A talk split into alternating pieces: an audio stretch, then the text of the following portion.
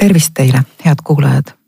Te kuulate taskuhäälingu saate Tervist esimest saadet. minu nimi on Aive Mõttus, olen Maalehe ajakirjanik ja tervisetoimetaja. selles saates hakkame me, nagu nimigi ütleb, rääkima tervisest. ja tänase esimese saate teema on liigutamine ja liikumine minuga koos on täna siin stuudios ähm, liikumisteaduste doktor Ragnar Viir ja südamearst äh, doktor Tiina Uuetoa. aga füüsiliselt neid äh, stuudios tegelikult ei ole. Nad on minuga koos siin äh, Maalehes ilmunud lugude kaudu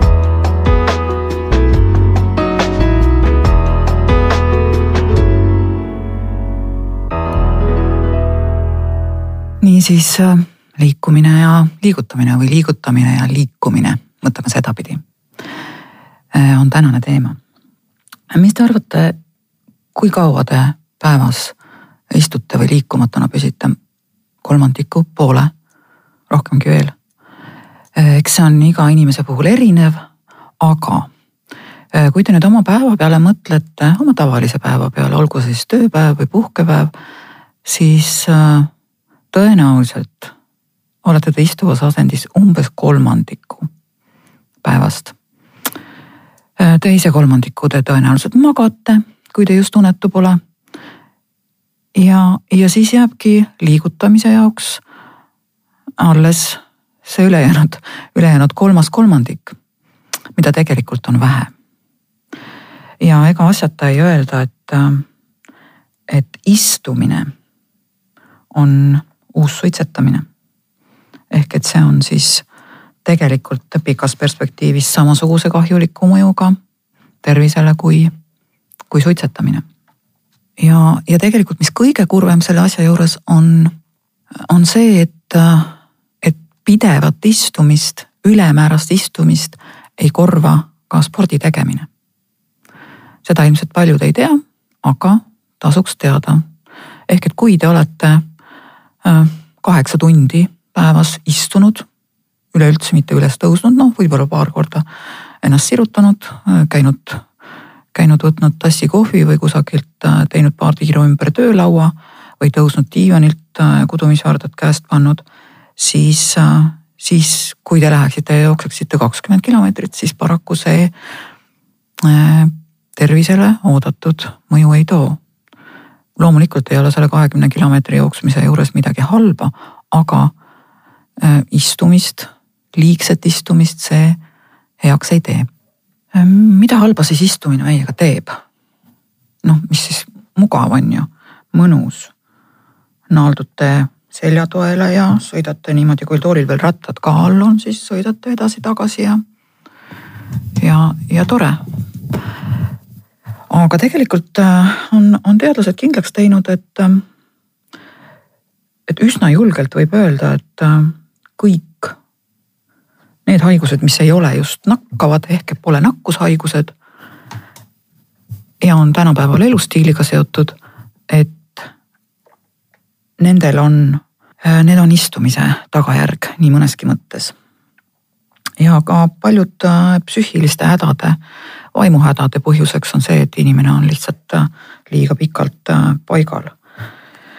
Äh, loomulikult ei juhtu ju teie tervisega mitte midagi kohe pärast seda, kui te olete kasvõi nädal aega kaheksa tundi järjest paigal istunud. aga liigse istumise mõju on aeglane. ja, ja ka need nii-öelda see aeglane istumine põhjustab, siis see on krooniline istumine, see põhjustab ka kroonilisi tervisehädasid.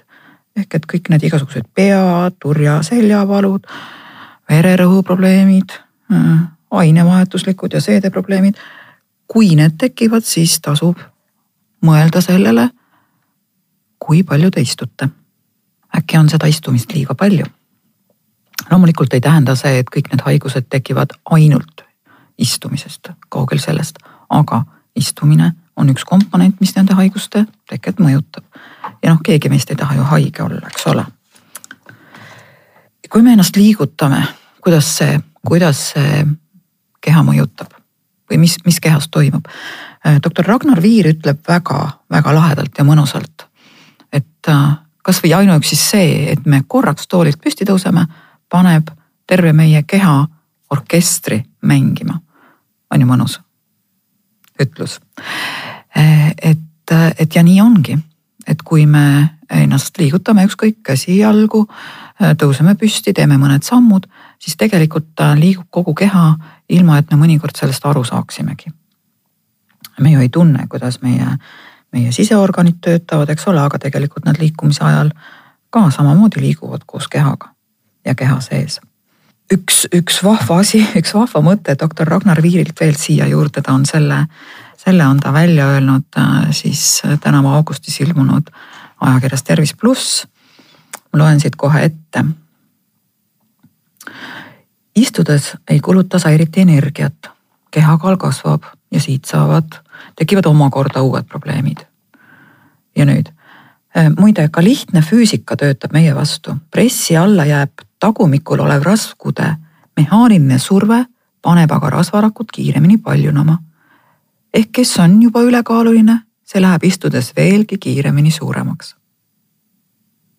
selle peale kindlasti sa ei ole tulnud, eks ole, aga iseenesest väga-väga niisugune vahva, vahva mõte ja julge väljaütlemine.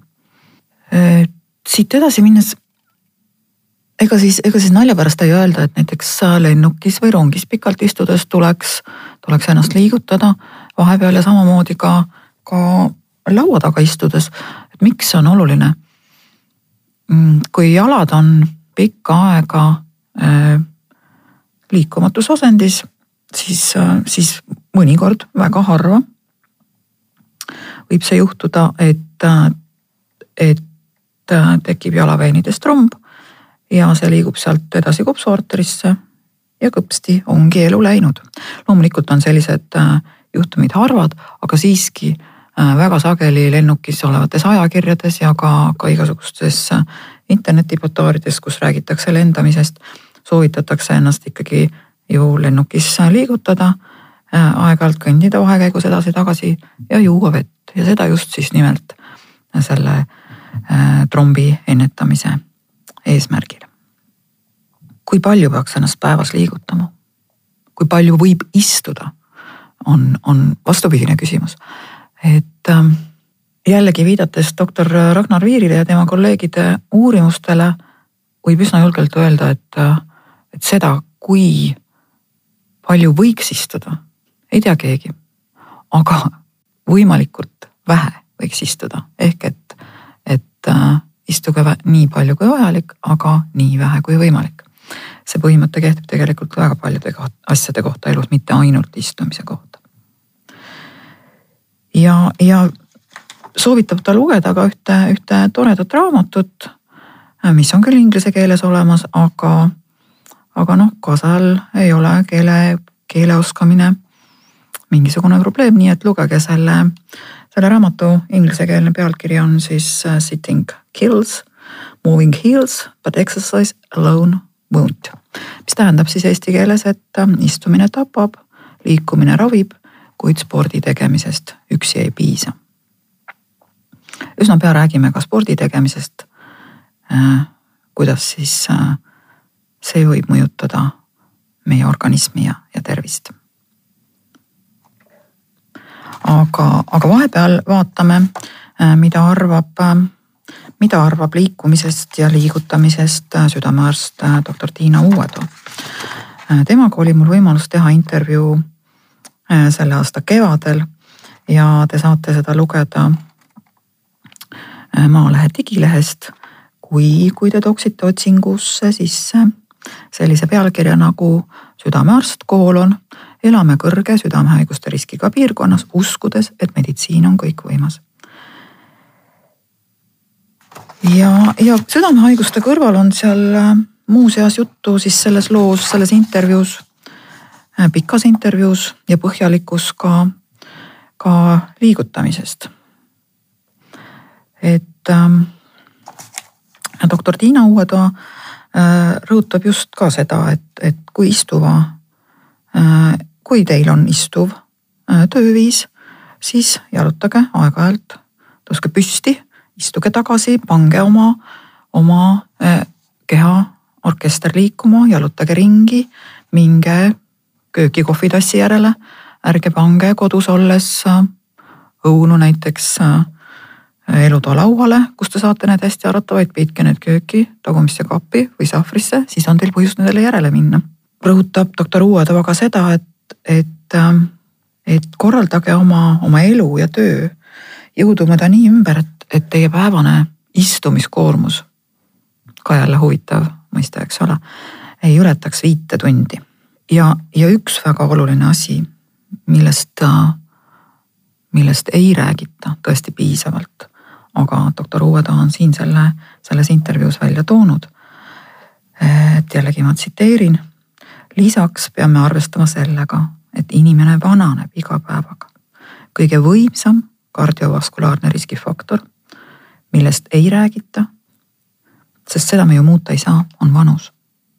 ehk et äh, mida vanemaks me saame, seda rohkem me peame oma tervisele tähelepanu pöörama ja üheks võimaluseks on teadlik liigutamine ja liikumine. aga edasi räägime siis juba, kui seni rääkisime liigutamisest, edasi räägime liikumisest.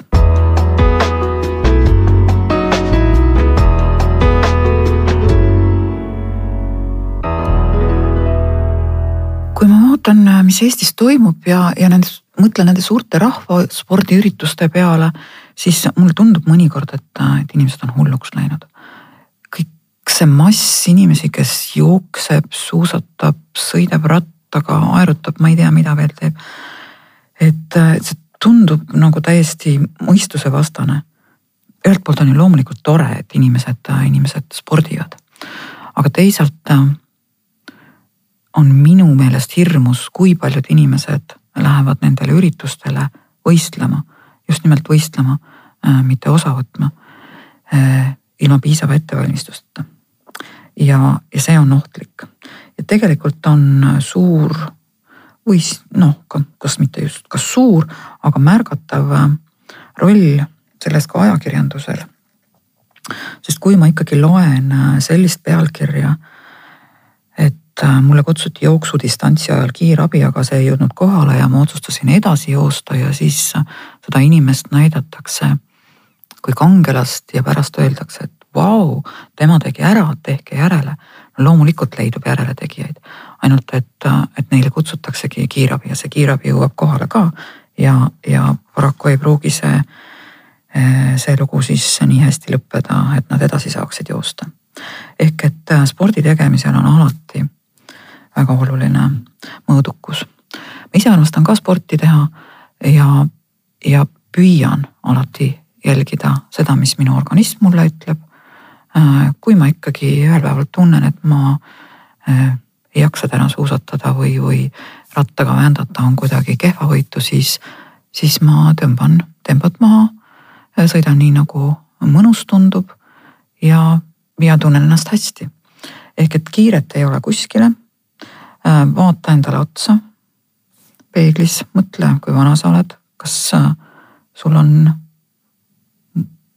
vaja ja mõtet püüda sellise koormuseni, mida on vaja olümpiamedali saamiseks või teed sa seda kõike lihtsalt äh, oma tervise nimel.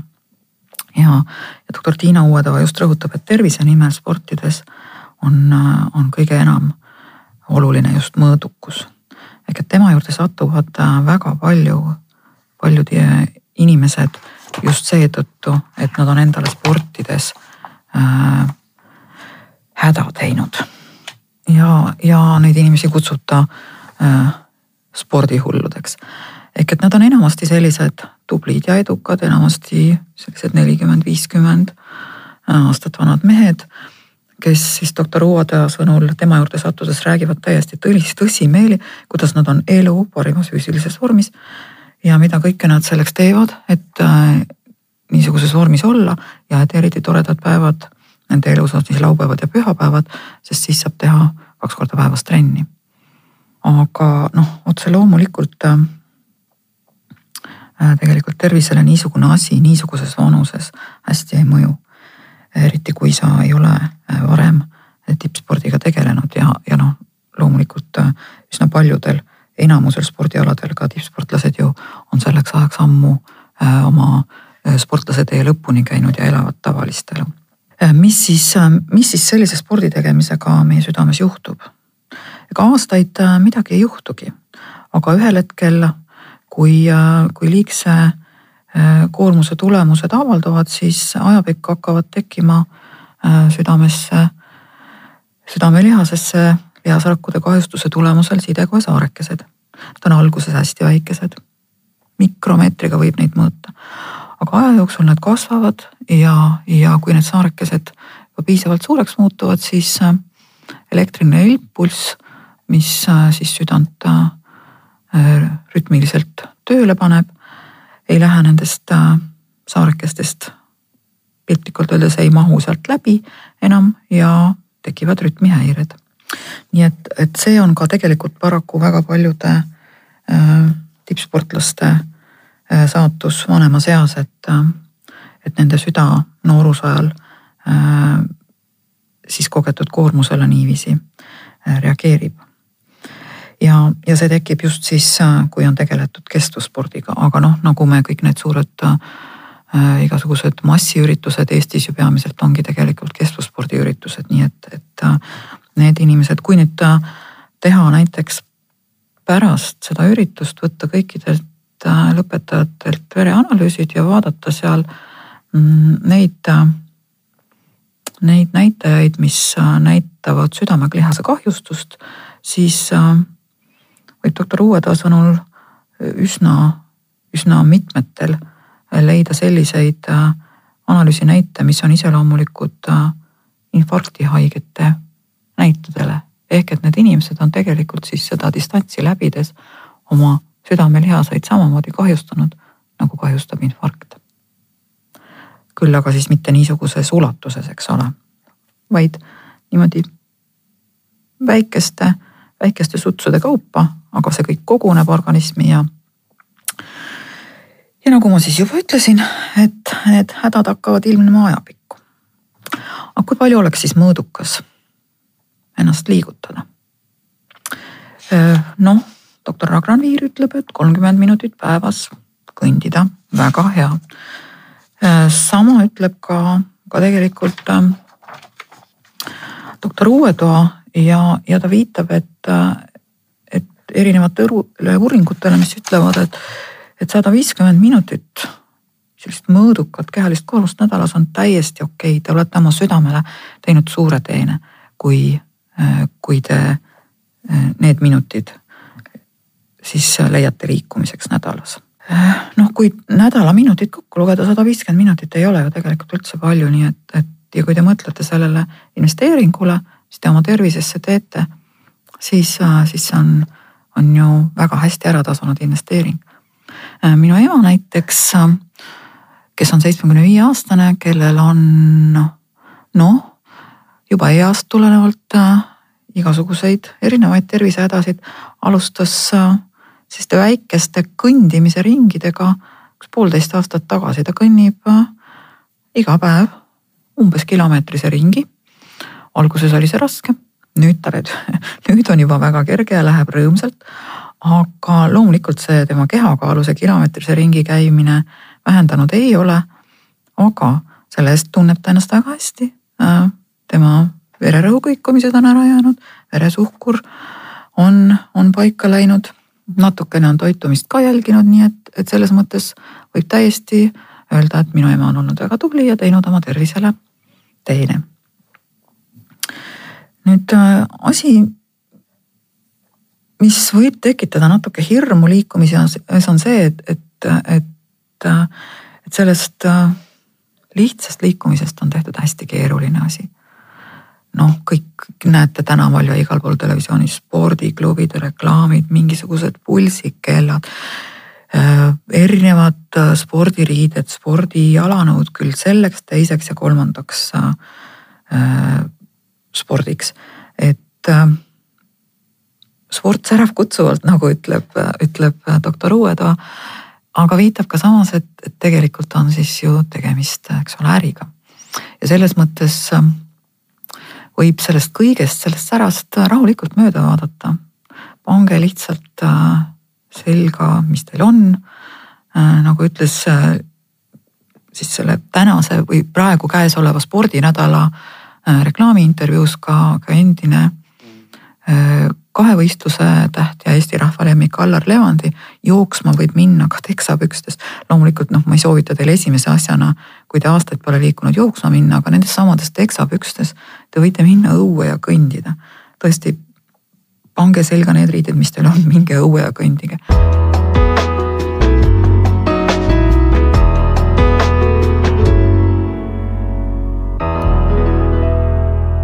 ja lõpetuseks, enne kui te lähete õue kõndima või tõusete krapsakalt töötooli pealt püsti ja jooksete tiiru ümber oma töölaua. Äh, jagame, jagan ma teile siis mõningaid, äh, mõningaid selliseid nippe, mille peale võib-olla alati ei tule, aga mis teid äh, liikumatuse surmast kindlasti päästavad ja tervisele kasuks tulevad. ehk et siis doktor Viir soovitab, et, et kui teil on istuv töö, siis tõuske aeg-ajalt püsti, lihtsalt tõuske ja istuge tagasi. ja, ja te, et teil asi ära ei ununeks, siis te võite kasutada ju munakeedu kella või siis kasutada ka mingit, mingisugust mobiilirakendust, mis teile märku annab, et no nii, nüüd on aeg korraks püsti tõusta. kui tahate selle püsti tõusmisega pisut äh, sporti ka teha, siis, siis tõuske püsti ja, ja laskuge tagasi hästi aeglaselt. et siis, äh, siis teie lihased töötavad rohkem see on siis üks päris, päris tore väärtnipp. nüüd äh, võite panna prügikasti näiteks äh, töölauast kaugemale, et kui teil on vaja midagi sinna visata, siis te mitte niimoodi ei tee seda ulja käeliigutusega, vaid olete sunnitud tõusma püsti. noh, samamoodi kohviautomaat võiks olla, eks ole, pisut kaugemal. või kui te tahate mingisuguseid näkse töö ajal äh, näksida, siis need pange ka naaberlaua peale, et teil oleks siis ikka jälle püsti põhjust tõusta ja neid võtma minna. ja, ja kui teie istumistoolil on rattad, siis tõesti ärge neid rattaid kasutage, tõuske püsti ja kõndige. kodus äh, ärge võtke telekapulti enda kätte sinna diivanile, kus te lesite, vaid äh, kui te tahate kanalit vahetada, siis äh, jätke, jätke pult teleka juurde. selleks, et kanalit vahetada, peate te püsti tõusma siis ja, ja võite jälle ju tagasi tulles hästi aeglaselt sinna diivanile laskuda, siis teevad lihased rohkem tööd. Äh, kõige parem äh, tool äh, doktor Viiri sõnade kohaselt on, on istumiseks ilma käetugedeta puutool. ehk et sellelt püsti tõusmiseks peab, peab teie keha kõige rohkem liigutusi tegema ja liikuma. nüüd üks selline, selline vahva nipp ka, et kui te ootate bussi või või kusagil lennujaamas lennukit rongijaamas rongi, siis ärge seiske, kõndige ringi. Ja samamoodi võite teha ka telefoniga rääkides. minul muide näiteks on ülemus, kes harrastab sellist asja, ma usun, et ta ei tee seda teadlikult, aga alateadlikult ta teeb sellega oma tervisele suure teene, et iga kord, kui ta telefoni haarab, siis tal käib sinna juurde justkui see teise, teise asjana see, et ta hakkab kõndima, siis ta sammub niimoodi kiiresti-kiiresti kontori ühest otsast teise. väga tore ja need soovitused on tegelikult äh, kõik nii lihtsad, et nende elluviimiseks ei ole vaja külvata mingisugust raha ega teha mingeid investeeringuid. on vaja ainult tarkust ja teadmist, kuidas te oma tervisele saate kasulik olla. head päeva, tervist teile ja head liigutamist